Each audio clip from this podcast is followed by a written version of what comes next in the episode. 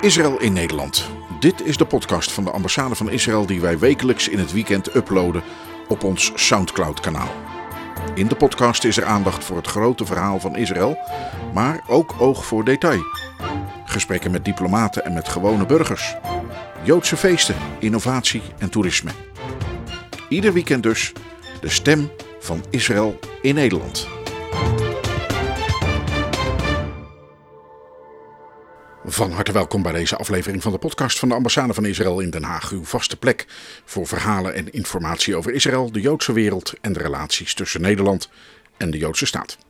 Mijn naam is André Diepenbroek en ik ben uw gastheer. In deze aflevering van onze podcast aandacht voor de actualiteit. Edo Verdoner is de Nederlandse Nationaal Coördinator Antisemitismebestrijding. In die hoedanigheid is hij aangesteld door de Nederlandse overheid om het beleid in zaken antisemitismebestrijding bij de diverse ministeries, bij de politie en in overheidsinstellingen te stroomlijnen. Zijn functie is nieuw. Verdoner is in april dit jaar aan zijn taak begonnen. Vorige week was hij in Jeruzalem om deel te nemen aan het zevende congres van het Global Forum for Combating Antisemitism. Uit tal van landen waren zijn collega's uit hetzelfde werkveld aanwezig. Een uitgelezen moment om relaties te smeden, nieuwe inzichten en inspiratie op te doen en samen met andere landen aan de slag te gaan. Ik sprak hem afgelopen dinsdag in Utrecht in een hotel aan een stil meertje. In de verte hoort u de natuur en het geluid van de A27. Wat nam Verdoner mee uit Jeruzalem? Wat heeft hij geleerd en hoe gaat hij de nieuwe dingen toepassen in zijn werk?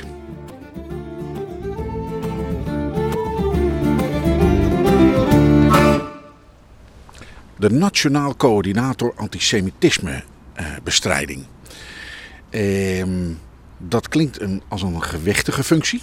De, de titel eh, doet dat vermoeden.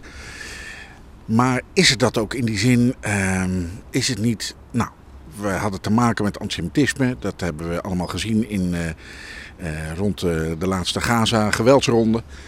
Ehm, ja, nou, dan benoemen we, eh, benoemen we iemand die het aan de orde gaat stellen. En nou, zijn we er dan misschien een beetje mee klaar ook gelijk. Dan is dat eh, een soort excuusfunctie. Of ben ik nu heel zuurig? Nee, helemaal niet. Eh, natuurlijk is er altijd de neiging om zoiets te zeggen. Eh, helpt het wel? Is het niet iets symbolisch? Je kunt dingen natuurlijk altijd op een negatieve wijze benaderen. Maar ik, ik ben van de tegenovergestelde benadering. Het is een deel van wat we moeten doen. En ja, de Nationaal Coördinator kan zeker een functie vervullen, een belangrijke functie. Kan een stukje invullen wat eerst niet ingevuld is. Eh, maar het is niet de gehele oplossing. De gehele oplossing is eigenlijk datgene wat de partijen in de samenleving, de overheid en de burgers doen.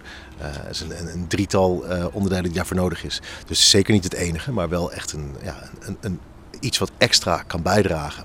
En zo moet het ook bekijken. Komt u veel sceptisch tegen dat mensen toch denken... nou ja, Eh, ja, natuurlijk kom je dat wel tegen.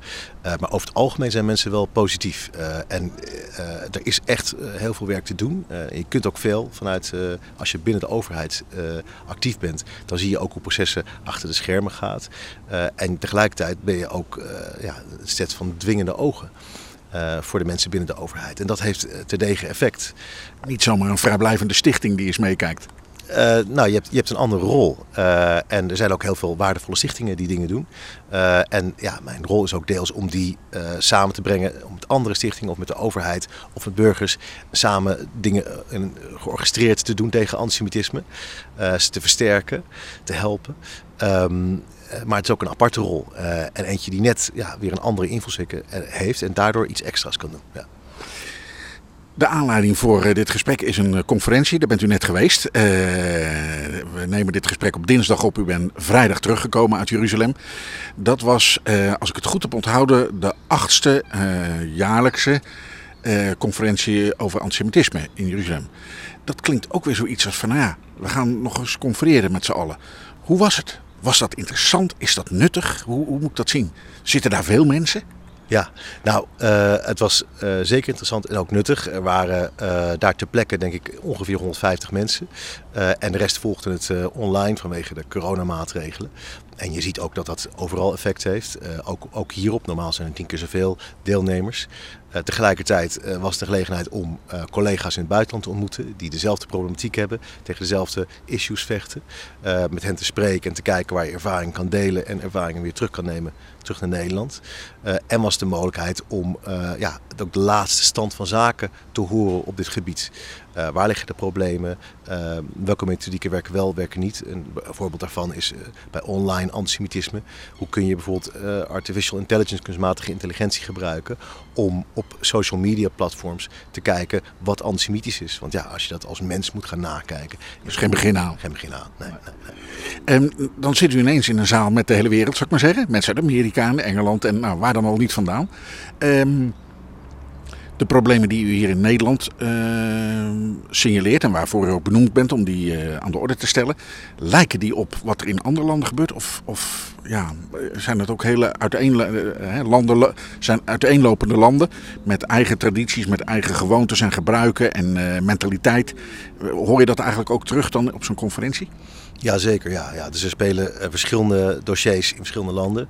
En dat heeft te maken met bevolkingsopbouw, het heeft te maken met sociologische omstandigheden, met de geschiedenis van het land zelf. Uh, maar er zijn ook thema's die overal spelen. Uh, en bijvoorbeeld door corona, wat natuurlijk een wereldwijde epidemie is geweest. Ja, daar zie je dat de samensweringstheorieën rondom corona in bijna elk land een probleem zijn. Uh, en dat, ja, het misbruik daarvan om enerzijds tegen de overheid en, en, daarna natuurlijk altijd weer tegen de Joden acties te ondernemen, dat zie je wel in heel veel plekken. Is dat echt een probleem? Want is, is het niet gewoon nou ja, de samensweringstheorieën dat we dan denken, ja, dat zijn misschien een beetje, laten we zeggen, laten we het vriendelijk houden. Aparte mensen die dat doen. Nou ja, dat is niet een probleem in de samenleving, maar ik merk aan u dat dat wel degelijk een probleem is. Ja, ik vind dat uh, een, een, groot probleem. En je ziet het in de cijfers terug. Uh, in de eerste drie maanden van 2020 uh, zijn er, in vergelijking met de eerste drie maanden van 2019, in Europa zijn er metingen gedaan over het aantal antisemitische posts rondom corona. en daar hebben ze in de Duitse taal een dertienvoudige toename gezien van het aantal antisemitische postings. En in de Franse taal een zevenvoudige toename. dus je ziet dat ja, die samensweringstheorieën die houden zich normaal gedijst in bepaalde uithoeken van de samenleving. Maar die gaan langzaam naar de mainstream en het wordt geholpen door sociale bubbels op social media. Door het feit dat mensen thuis zitten en, en weinig naar buiten kunnen, weinig interacteren. Uh, en, en dat ook, en dat is natuurlijk ook een, een, een bijkomend probleem, uh, dat, ze, dat ze samensweringstheorieën kunnen koppelen aan Joden. Die kennen ze niet, die zijn onbekend voor hen. En dus makkelijk uh, als een soort zondebok uh, op te voeren. En dat zie je, ja, dat zie je gewoon gebeuren. Dus uh, ja, ik vind dat een, een, probleem. En daarnaast zie je ook weer dat, nou, bijvoorbeeld in het protest afgelopen zaterdag in Rotterdam, dat mensen die tegen de vaccinaties protesteren, weer gele sterren gaan dragen. En daar eigenlijk een soort holocaust-relativering mee doen. En ja, dat is natuurlijk ook heel aanstootgevend. Eigenlijk zeggen ze van ja, wat mij overkomt in de coronatijd, dat ik niet zonder vaccinatie een discotheek in kan lopen, is even erg als wat met de Joden in de Tweede Wereldoorlog gebeurd is. Natuurlijk een enorme belediging, het is kwetsend. Wat dat betreft zien we hoe het op twee manieren doorwerkt. Enerzijds doordat die samensweringstheorieën naar voren komen. En anderzijds doordat in die coronaprotesten juist weer de holocaust naar boven gehaald wordt. Dus op een dubbele manier, dubbele manier is het kwetsbaar voor de Joodse bevolking samenzweringstheorieën. Eh, is dat echt wel zo gevaarlijk? Is het niet iets van, nou ja, we, we kletsen erover bij een borrel of uh, we doen online iets of zo? Hoe, hoe um, ja, heeft dat, um, laat ik zeggen, antecedent ook in het verleden dat Joden slachtoffer werden van samenzweringstheorieën?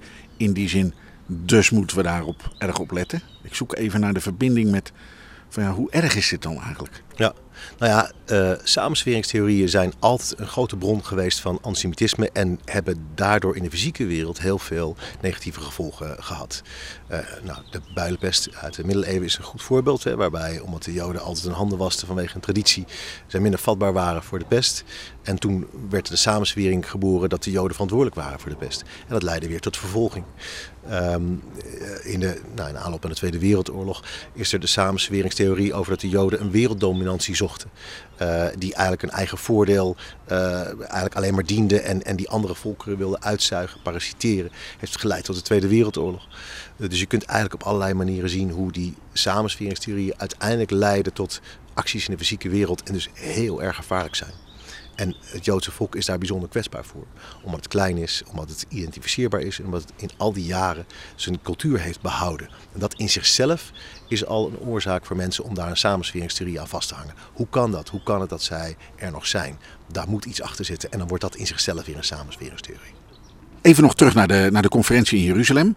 Ehm, laten we even kijken van. ehm, ehm, we hebben natuurlijk, als we over antisemitisme praten, hebben we het vaak over Europa en over Amerika. Ja. U heeft daar ook waarschijnlijk allerlei Amerikaanse collega's en, en vakgenoten en, hè, eh, ontmoet. Ja. Ehm, de dingen die eh, rond eh, de, de recente Gaza-problemen eh, gebeurden in Europa en in Amerika, lijken die op elkaar? Is er een verband? Of nou ja, hebben ze in Amerika met hele andere dingen te maken als, hier, als wij hier in Europa? Nee, deels lijkt het wel op elkaar. Je ziet daar dat wat wel gebeurt in Amerika, de debatten zijn vaak iets extremer. De twee, tweedeling in de samenleving is, is wat extremer. Eh, en dat zie je ook weer terug in de, in de, in de voor- en tegenstellingen. In, vooral op de campussen in Amerika is daar een grote strijd eh, gaande. Eh, en dat is heel zorgelijk. Daardoor voelen ook Joodse studenten zich soms niet meer veilig op die, op die grote campussen van de universiteiten. Ze worden eigenlijk gedwongen om zich uit te spreken over een conflict. En als ze dan het verkeerde antwoord geven, dan worden ze eigenlijk al in een soort ban gedaan. En dat is een heel gevaarlijke ontwikkeling. Ehm, die polarisatie die moeten we tegengaan. Ehm, maar ook in Europa zien we dat eh, het conflict heel veel antisemitisme heeft opgeleverd. En begrijp me niet verkeerd, het is eh, belangrijk dat je Israël behandelt zoals elke staat. Eh, want anders discrimineer je echt. En dus ook moet je Israël kunnen beoordelen over wat, wat ze doet. En nergens is dat debat zo sterk als in Israël zelf. Maar waar die kritiek overgaat in Israël haat, waar je gaat demoniseren, waar je antisemitische fabeltjes gebruikt en die probeert te projecteren op Israëlische politiek, ja, daar gaat het over van rechtvaardige kritiek naar antisemitisme. En er zijn natuurlijk heel veel antisemitisme, eh, antisemieten die wachten op zijn mogelijkheid om weer naar voren te komen, naar buiten te komen. En dat moeten we durven te benoemen. We moeten nooit zeggen van ja, we zeggen hier niets over, want het is vermomd als, als, eh, als Israël-kritiek. En dan zijn ze bang dat ik zeg dat er iets mis is met die Israël-kritiek zelf en dan word ik daarop aangevallen. Nee, als iets antisemitisme is, moet je het benoemen. Dan moet je het juist eruit halen. Dat maakt en de strijd tegen antisemitisme sterker, maar ook het debat over wat er in het Midden-Oosten moet gebeuren. Het versterkt beide. Ehm, de conferentie eh, ligt nu een paar dagen achter u. Eh, we zitten hier aan een heel eh, vredig, ja wat is het, een ven of een, een riviertje, een stroompje in een, bij een, een Utrechts hotel. Als u dan terugdenkt eraan, wat was een inspirerende gedachte die u echt mee hebt genomen? Dat u dacht van, ja dat is, wauw, dat u s'avonds misschien wel op uw hotelkamer dacht, die vergeet ik niet meer. Ja, nou wat, me het eerste naar voren kwam was uh, Yehuda Bauer, een, een 95-jarige professor, een, een historicus. Uh, en een, een, een, ja, een, iemand die heel veel geschreven heeft, gepubliceerd heeft op dit, op dit gebied. Uh, en die zei iets heel treffends, vond ik. Die zei: um, Het is heel lastig te houden van iemand die je niet kent, maar je kunt hem wel haten. En wat hij daarmee eigenlijk wil zeggen, een van de grote problemen van antisemitisme in deze tijd, in Nederland bijvoorbeeld, is dat er maar heel weinig Joden zijn. Uh, en dus is de kans dat je iemand tegenkomt die Joods is, heel klein. Of dat je iemand dan nog identificeert als Joods en tegenkomt, is nog veel kleiner. Um, en onbekend maakt onbemind, zeggen we in Nederland. En het gevaar daarin zit als we niet ook uh, op een positieve manier de Joodse cultuur of traditie onder de aandacht brengen. Uh, dan is de strijd tegen antisemitisme, die voer je dan met één hand. Want alleen maar repressie werkt niet. Alleen maar uitleggen wat antisemitisme is en wat niet. Dat, ja, dat, dat, dat doet niet alles. Je moet ook mensen een uh, positief beeld geven of een, zich kunnen laten relateren op een veel basaler niveau met uh, Joden en hun cultuur als gewoon onderdeel van de Nederlandse samenleving. En dat stukje, dat onderschatten we. En daar is nog geen goed antwoord op binnen, binnen de samenleving, binnen de overheid. En ik maak me er sterk voor dat we dit wel vinden. Ja, ik voelde een speerpunt aankomen van uh, wat, u, wat u wil gaan doen de komende jaren. Nou, ik vind dat heel belangrijk. Uh, het, in, in Duitsland, in, in, Duitsland en Europa, daar is een, een, stukje toegevoegd aan de titel van Nationaal Coördinator Antisemitismebestrijding. Daar noemen ze ook en het bewaren van Joods leven. Fostering Jewish Life noemen ze dat in, in het Engels. en waarom hebben ze dat gedaan? Precies om deze reden. Dat en als onbekend maakt op het moment, maar ook juist door de oorlog is natuurlijk de, gemeenschap gedecimeerd. Dus uh, het kan ook niet bewaard worden en uitgedragen worden omdat de Joden er niet meer zijn. En dan wordt het een self-fulfilling prophecy. Dus je moet iets doen ook aan dat stuk. En dat moet je ook eigenlijk als integraal onderdeel meenemen in die strijd tegen antisemitisme. Ik heb iets eh, bij, de, bij de oren nu. Ehm, hoe gaat u dat doen? Hoe zou je dat kunnen doen? Hoe kun je dat fostering Jewish life, hè, dus hoe kun je het Joodse leven, laat ik zeggen, eh, gepaste aandacht geven, zeg maar? Nou, doe je dat op scholen? En hoe doe je dat dan met scholen? Ik bedoel, ja, als er geen even, even heel plat gezegd, Ja. als er geen Joden meer zijn, ja, of heel weinig. Hoe, hoe doe je dat dan? Als je in, eh, weet ik veel, ergens in eh, Limburg woont, of in Zeeland zit, of in Oost-Groningen. Ja, nou dat is een hele goede. het, het, het moet ook niet, eh, ook dat moet dus niet uit de Joodse gemeenschap alleen komen. Eh, het kan natuurlijk wel daarbij helpen. Maar het is ook een taak die bij de overheid ligt, bij de scholen ligt. Om, om ook te onderwijzen over wat Joodse cultuur is. Om dat als integraal onderdeel op te nemen in de, in de curricula. Om te spreken over eh, de Joodse feestdagen. En dat kan ook, eh, dus binnen de scholen, maar het kan ook bijvoorbeeld door de overheid gedaan worden. Als het een keertje het is Joods nieuwjaar. Dat dan premier Rutte een keer zegt: Ik wens alle Joodse Nederlanders een gelukkig nieuwjaar. En eens beseffen we dan, hé, hey, dat, dat hebben we ook nog. Precies, precies. Het zijn hele kleine, simpele dingen. Maar door het publiek markeren van zoiets maak je het gemeen goed. Erken je dat die Joodse traditie in Nederland al heel lang bestaat. En onderdeel is van wat Nederland is. Precies, Nederland maakt wat het is. Eh, eh, een van de bouwstenen van de Nederlandse samenleving. En dat eh, kan je dan versterken bijvoorbeeld door Joodse festivals, door aandacht te besteden op televisie, door op verschillende momenten het gesprek ook aan te gaan op fora als, als, als overheid. Dus het, het actief inzetten voor het bewaren van de Joodse cultuur is een essentieel onderdeel van de strijd tegen antisemitisme. Maar dit is toch een gigantische taak. Krijg, krijgt u er geen grijze haar van? Want u zit hier alleen. Ik geloof niet dat u een afdeling hebt met 150 medewerkers. Eh, waar moet u beginnen? Ja, nou dat is, eh, dat is heel lastig. Kijk, eh, ik ben natuurlijk net begonnen, een, paar, een paar maanden bezig. Eh, en ik heb nou, maar drie punten opgenoemd eh, waar ik me op wil richten. Eh, allereerst het, het, het, het meten, opvolgen van antisemitische meldingen. En helemaal tot aan het strafrecht. Hè. Dus kijken of je iets kan signaleren. Kijken of je kan registreren, kijken of je aangifte kan doen, en kijken of je aangifte kan opvolgen en vervolgens ook een veroordeling kan krijgen. Dus dat, dat, dat eerste stukje. Twee, het stukje voorlichting. Nou, dat is precies waar we het net over hadden. Dus wat is antisemitisme? Doe dat op sportverenigingen, doe dat op scholen, eh, doe dat overal waar je een publiek hebt. Eh, ook op werkplekken is dat heel belangrijk. Eh, en leg uit wat het verschil is tussen antisemitisme en, en, en, en, en, en legitieme kritiek eh, op Israël. Want dat is ook een heel actueel eh, onderwerp natuurlijk. Maar drie, ook besteed aandacht aan de Joodse cultuur en het onderdeel wat het vormt van de Nederlandse samenleving. Die drie punten, dat is waar ik me het eerste op focus. En eigenlijk alles wat ik doe, probeer ik aan die drie punten te realiteren. Ik ga nog even terug naar Jeruzalem. Ehm, is daar nog uit die conferentie, was dat eh, de bedoeling van de conferentie ook om, laat ik zeggen, actiepunten voor te brengen aan het eind? Dus dat we zeggen, oké, ehm, nou, dit en dit eh, is besproken. Misschien dat een, een lezing, dat er lezingen waren door mensen die er echt ook dingen hebben aangereikt van nou, dit zou kunnen, dit zou kunnen. Komt er dan nog iets uit zo'n conferentie? Of is het puur bedoeld als, eh, hoe zou ik het zeggen, als studiemoment of als netwerkmoment? Hè? Nou, Zulke soort dingen. Ja, nou het is alles tegelijk. Eh, er is een, eh, bijvoorbeeld een van de dingen die eruit komen is dat ik met mijn Tsjechische collega heb gesproken over het samen kijken naar elkaars nationale strategie. Kijken wat we kunnen leren daarvan. Zin die van Nederland moet nog ontwikkeld worden, die is in ontwikkeling. En zij zijn nu ook aan het schrijven. Nou, kunnen we elkaar daarbij helpen? Kun je ideeën overnemen? En kijken hoe we ook samen kunnen bijdragen aan de Europese strategieën voor de bestrijding van antisemitisme. Nou, de Kamer heeft er ook toe opgeroepen in een motie, onlangs is aangenomen van de ChristenUnie. Eh, dus eh, het belang van zo'n conferentie is dat het een enabler is. Het, het helpt je om dat te realiseren wat je hebt ingezet. Eh, nou, een, een tweede is dat je kijkt naar eh, technieken die daar gepresenteerd worden. Bijvoorbeeld dat met kunstmatige intelligentie kijken naar de social media post. Dat is echt een techniek waar ik heel veel geloof in heb. Eh, ook omdat het heel ingewikkeld is soms om antisemitisme uit een posting te halen. Je kunt, als je alleen maar op woorden zoekt, kom je er bijna nooit. Want je kunt het goed verstoppen, bepaalde termen te gebruiken. En door dat te doen kun je dus zo'n zelflerend systeem te creëren wat patronen herkent en steeds verder leert met hulp van mensen om automatisch te identificeren, kun je ook tegen die social media companies zeggen van ja, eh, je kunt nu niet meer je verschuilen achter die hoeveelheid posts. Je kunt niet meer zeggen, eh, ja ik wist het niet, want het gebeurde ergens anders, dus ik zag het niet. Eh, Dat kun je niet meer zeggen, nu niet meer. Je hebt nu de tools, dus je moet optreden. Eh, En een computer heeft domweg uitgerekend dat dit account of deze persoon eh, elke keer over de streep gaat. Ja, nou ja, en, en eh, kan je in ieder geval in zoverre kan je echt dingen aanreiken. En natuurlijk moet je altijd blijven kijken, nakijken wat een computer je aanlevert. Maar het feit alleen dat het te veel werk is, dat er te veel gebeurt en dat je dus niet onder controle hebt, dat argument is weg. En je mag nooit uh, je moet, vrijheid van, van uh, speech, vrijheid van, van spreken, van meningsuiting.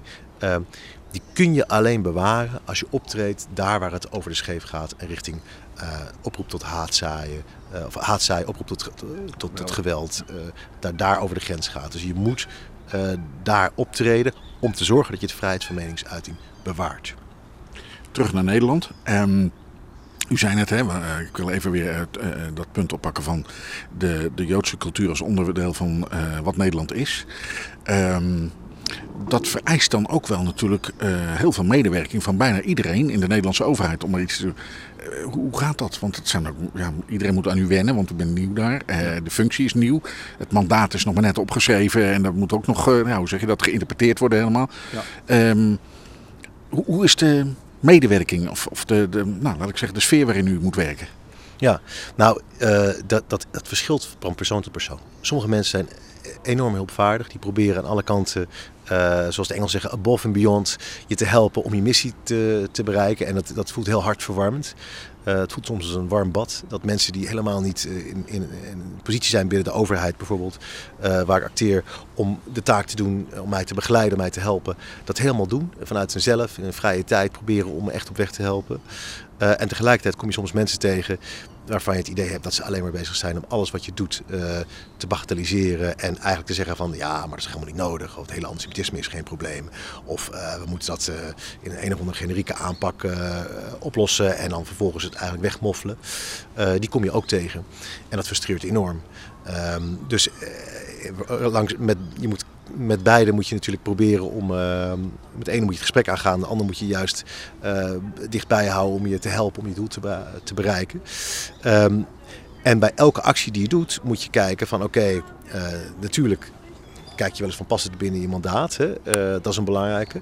Maar ook ehm, helpt dit mij in, in, het, in de constellatie waar je zit, met de maatschappelijke organisaties, met de overheid, met de burgers, om mijn doel iets verder te brengen.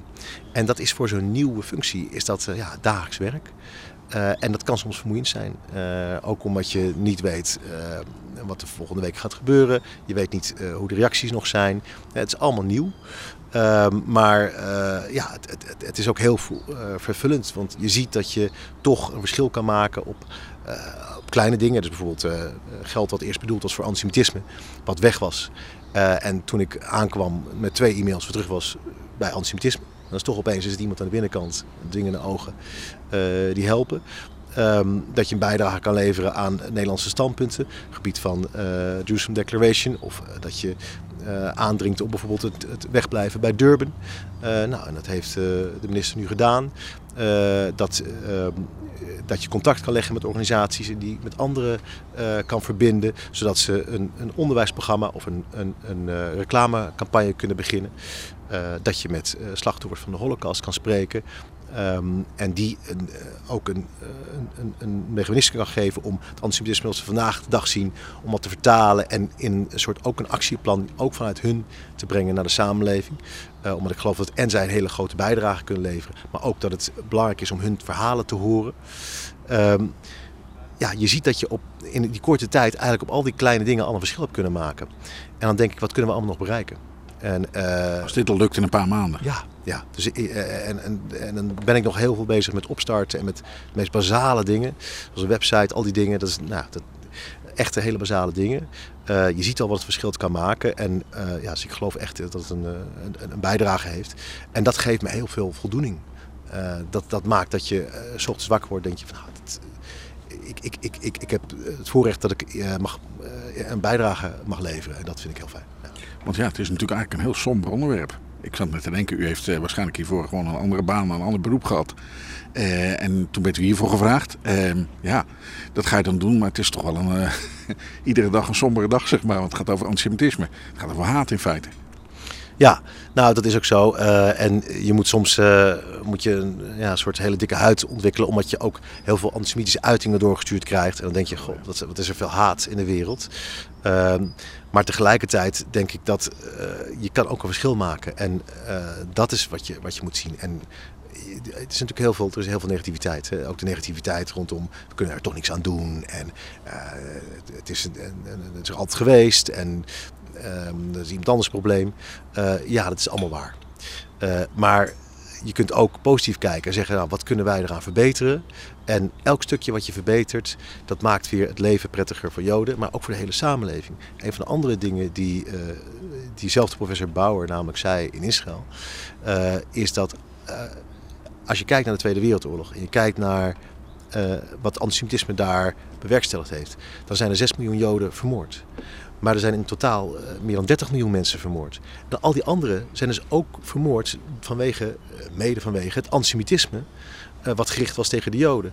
En dat is eigenlijk een, een voorbeeld hoe antisemitisme niet alleen maar de Joden raakt, maar de hele democratie, de hele samenleving raakt. En heel veel schade aan iedereen bereikt. Antisemitisme is de vijand niet alleen van de Joden, maar van de hele vrije wereld.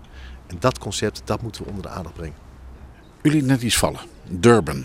Ja. Uh, voor heel veel mensen is het onduidelijk wat, het nou, wat is daar precies mis mee. Wat is dat ook alweer? Het is een soort van, uh, nou, laat ik zeggen, bijna een containerbegrip geworden.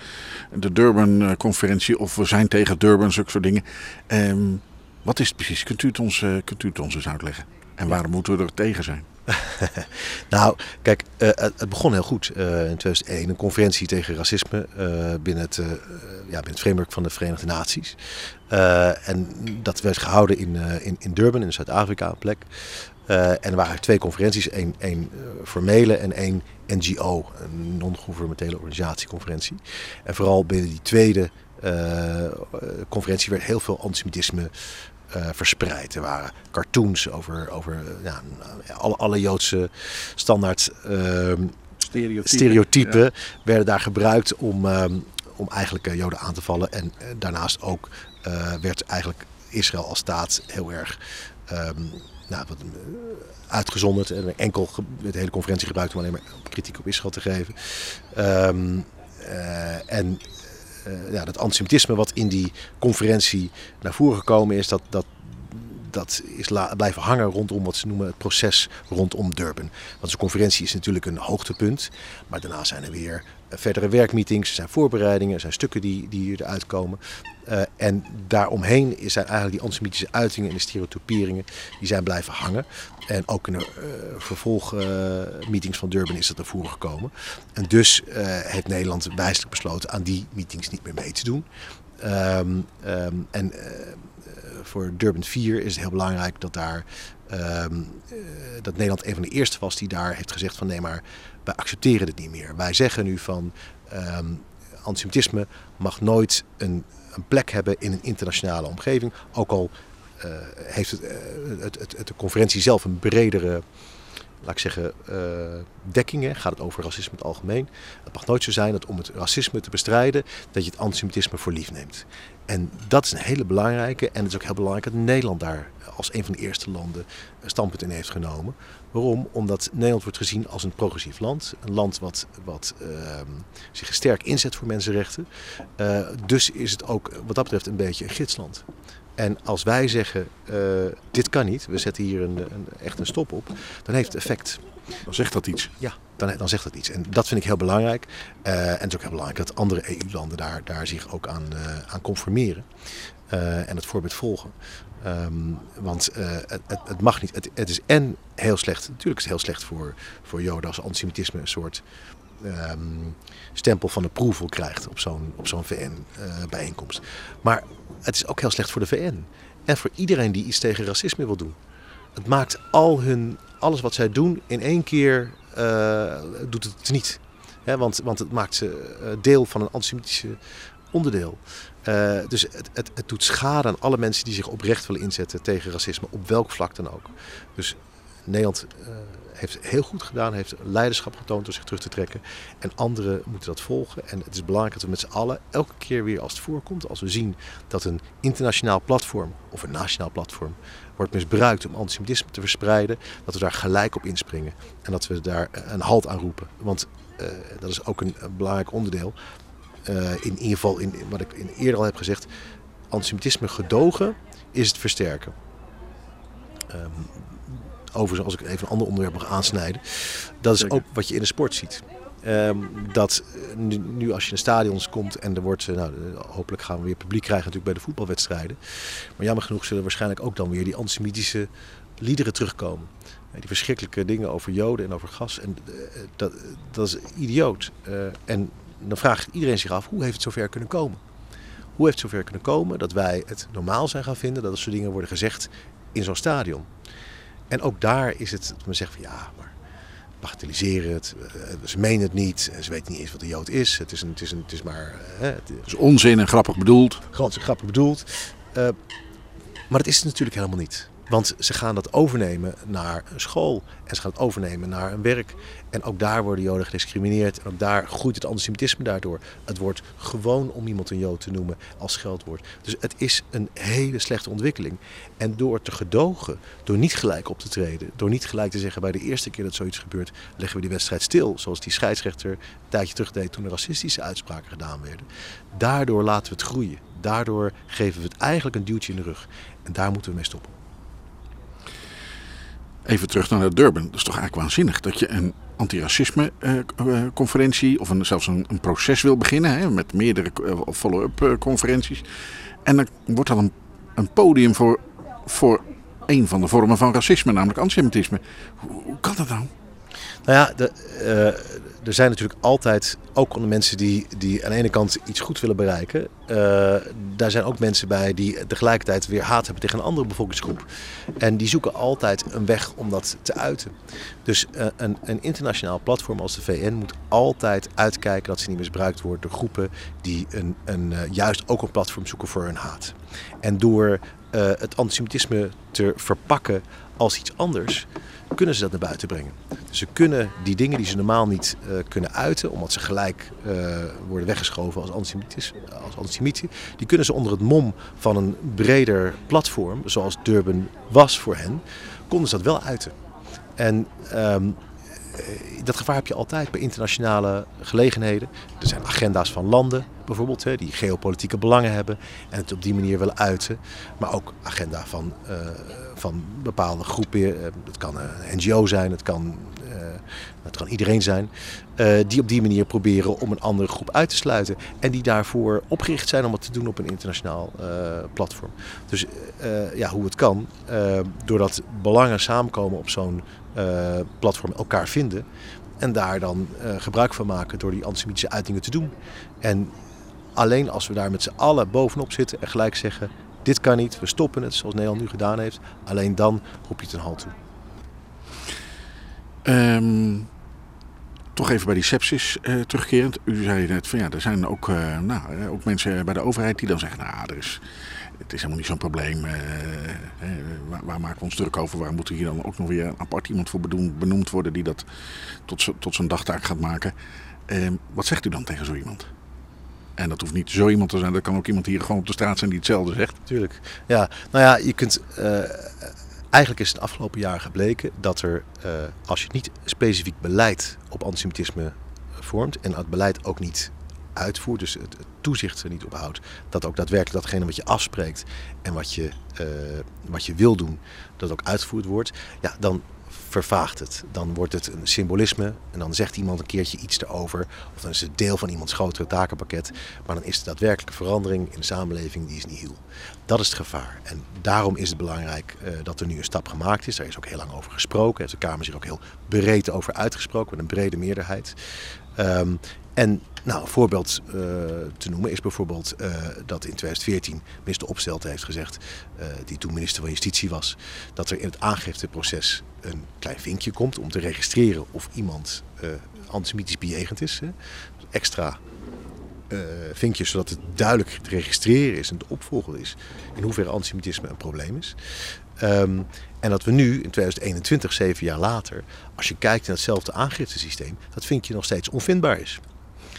Uh, en nou, dat is typisch iets waarbij je zegt van ja, natuurlijk is er gesproken over antisemitisme en natuurlijk is er zelfs uh, in de Kamer toegezegd dat er iets aan gedaan wordt.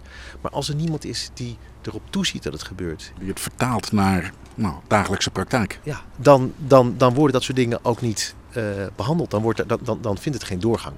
En in die uitvoering, daar heeft het enorm in geschort. Uh, en die uitvoering gaat op dit soort dingen, dat is een heel duidelijk voorbeeld. Maar gaat ook in dat je partijen samenbrengt, dat je geen doublures hebt in de aanpak. Dat je zorgt dat er samenwerking komt tussen de overheid en die partijen. en dat je een breder publiek bereikt. Ook daarvoor moet er een continu toezicht zijn op datgene wat er gebeurt. Dus dat is echt een stukje uitvoering waar het nodig is om iemand specifiek te hebben die erop toeziet. En vervolgens kijk je naar beleid, advies op beleid. Nou, een van de dingen bijvoorbeeld is holocaustontkenning. Waar laatst heb ik daar ook een lans voor gebroken om dat expliciet te verbieden. Wat je ziet is dat de samenleving veranderd is. In 2012 is ook al een keertje naar voren gekomen. Toen had men daar geen zin in. Ehm, maar je ziet nu dat door corona en door de samensweringstheorie, die eigenlijk weer eenzelfde soort basis kennen als die samensweringstheorieën die geleid hebben tot antisemitisme in de Tweede Wereldoorlog. Dat dat weer opkomt en dat daar heel vaak wordt gezegd van ja, maar als jij dat soort samensweringstheorieën over corona zegt, uh, dan ben je antisemiet. En je hebt gezien waar dat antisemitisme toe leidt in de Tweede Wereldoorlog. En dan zeggen die antisemieten gewoon leuk, oh, maar dat is ook niet waar. Wat er in de Tweede Wereldoorlog gebeurd is. Dat is ook een verhaaltje van diezelfde Joden. Dus je moet daar juist op dit moment vanwege die ontwikkeling echt een, een, een, een symbolische en expliciete stap maken om te verbieden. Um, en een tweede, je ziet ook dat extreem rechts opkomt.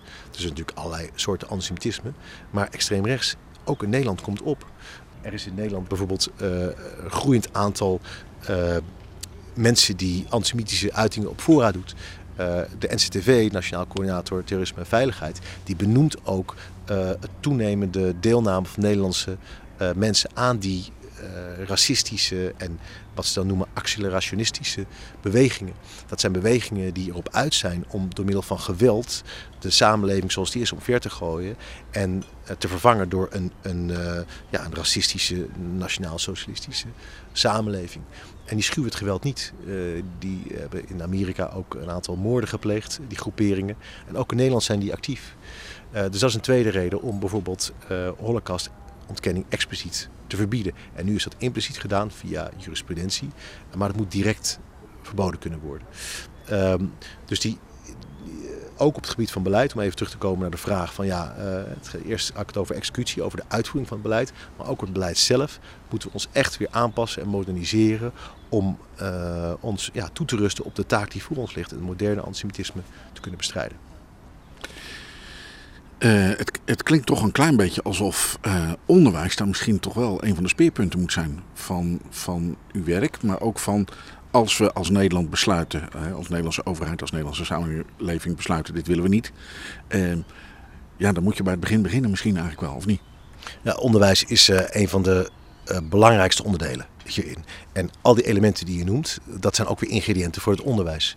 Dus het is niet zo dat, dat dat er los van staat. Als je het over holocaustontkenning hebt, dan is diezelfde holocaustontkenning en, en, en waarom het verboden is, is weer een onderdeel van het onderwijs. Daarmee, aan de hand daarvan kun je uitleggen uh, waarom doe je dat eigenlijk? Wat is de holocaust? Wat is daar gebeurd?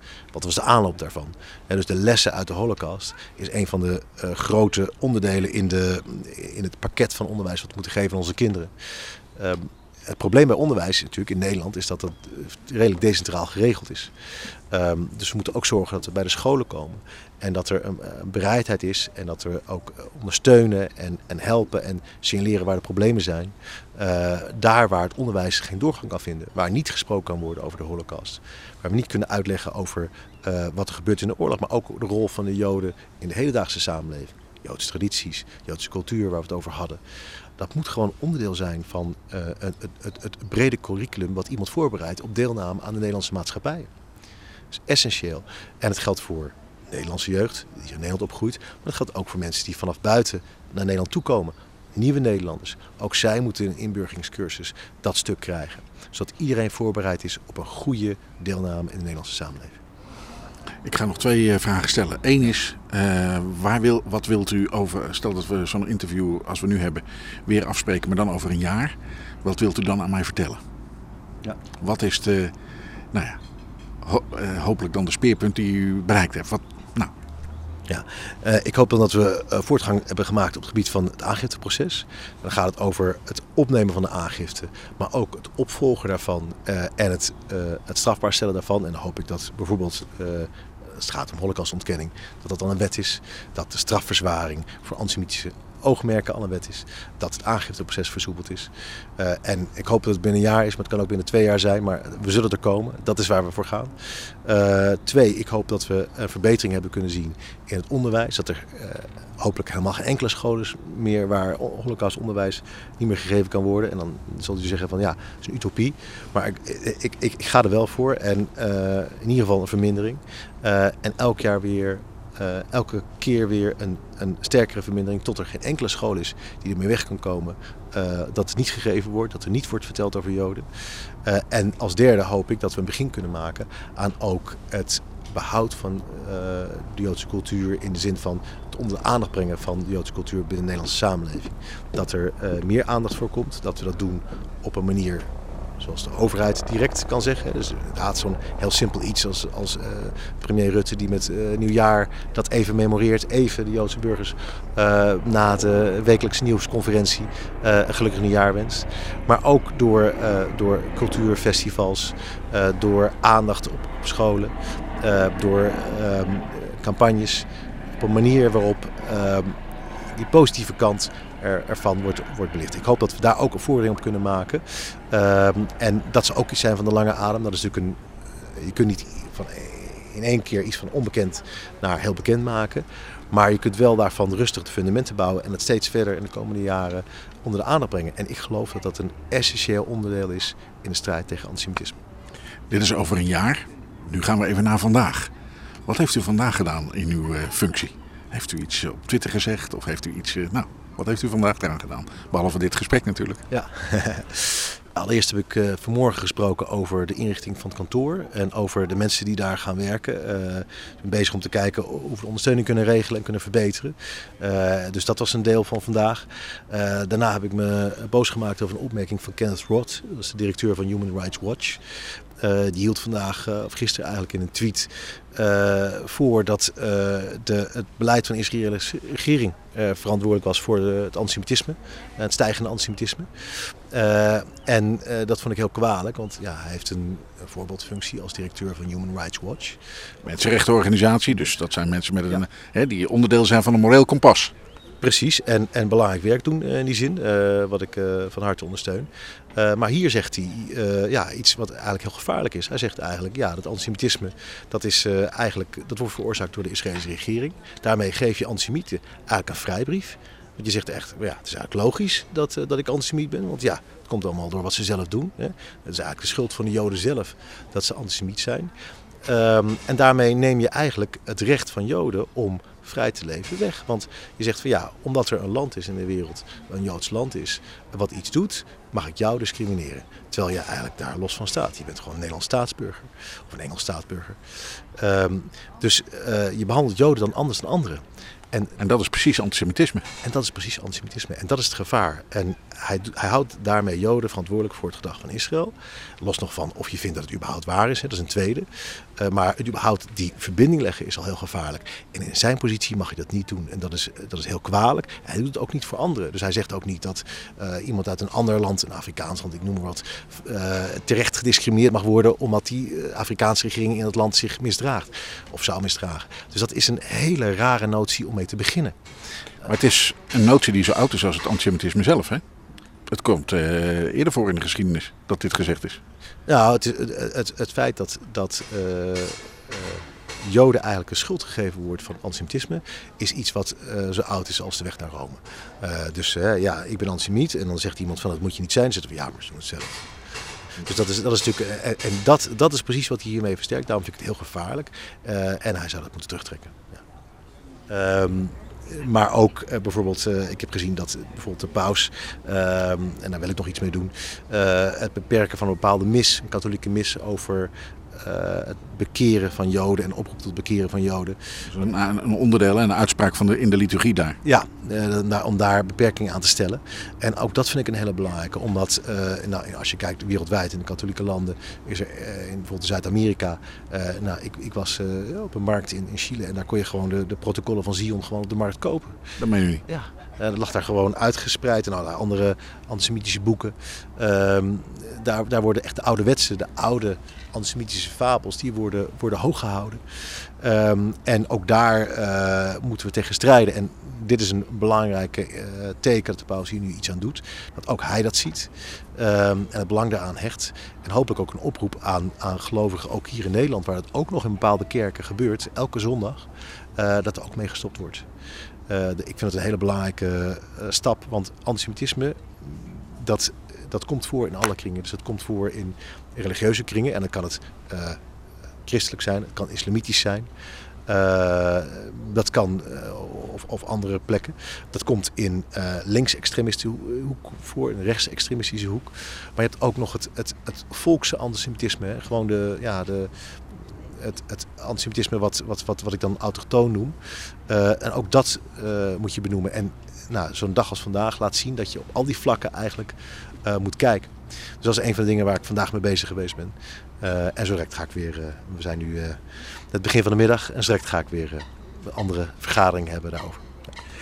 We gaan sluiten, ehm, afsluiten. Um, um, hoeveel, hoeveel, hoe groot is de Joodse gemeenschap in Nederland? Hoeveel, hoeveel Joden wonen hier eigenlijk? Uh, er wonen ongeveer 40.000 tot 50.000 Joden in Nederland. Um, en een deel daarvan die is Nederlands-Joods, een deel daarvan is uit andere landen en uh, Israël of uit Amerika in Nederland komen wonen, al dan niet tijdelijk. Um, en nou, dat, dat is het aantal Joden in Nederland. Ja. 40.000, 50.000. Um, stel nou dat u dadelijk op weg naar buiten iemand tegenkomt en die zegt, die, die, zegt van ja, maar moeten we dit nou allemaal overhoop halen voor die 40.000 mensen? Wat zegt u dan? Ja, allereerst ja. Uh, de reden dat er zo weinig zijn, uh, dat het nou laten we zeggen 50.000 mensen zijn, uh, is omdat onder andere het antisemitisme er is en, en er was en door de oorlog. en het dus al helemaal fout is gegaan? En het helemaal fout is gegaan, dus dat is schade op schande. Dus dat is echt een hele verkeerde instelling. Maar ten tweede, en dat is ook die opmerking die ik eerder maakte over die professor Bauer, antisemitisme doet schade aan de hele democratie. Uh, men zegt wel eens, het is de kanarie in een koolmijn. Uh, dat is ook zo. Hè? Het is, het, het is het eerste, hij ruikt het eerste het gif wat in de samenleving borrelt. Maar daarna komt het fascisme, daarna komt uh, het algemene weghalen van de, de, vrije meningsuiting. Dus altijd de voorbode van iets wat zich tegen de democratie zelf keert en dus tegen de vrijheid van de mensen. en in de Tweede Wereldoorlog is dat heel ja, schrijnend, heeft zich ook vertaald in die miljoenen doden die niet Joods waren. Zo zie je hoe erg het antisemitisme ook anderen raakt. Dus het is ook een het belang van de niet-Joden om antisemitisme nu te stoppen. Het is dus niet alleen schadelijk voor de Canadi zelf, maar ook voor de mijnwerkers. Voor de hele kolenmijn.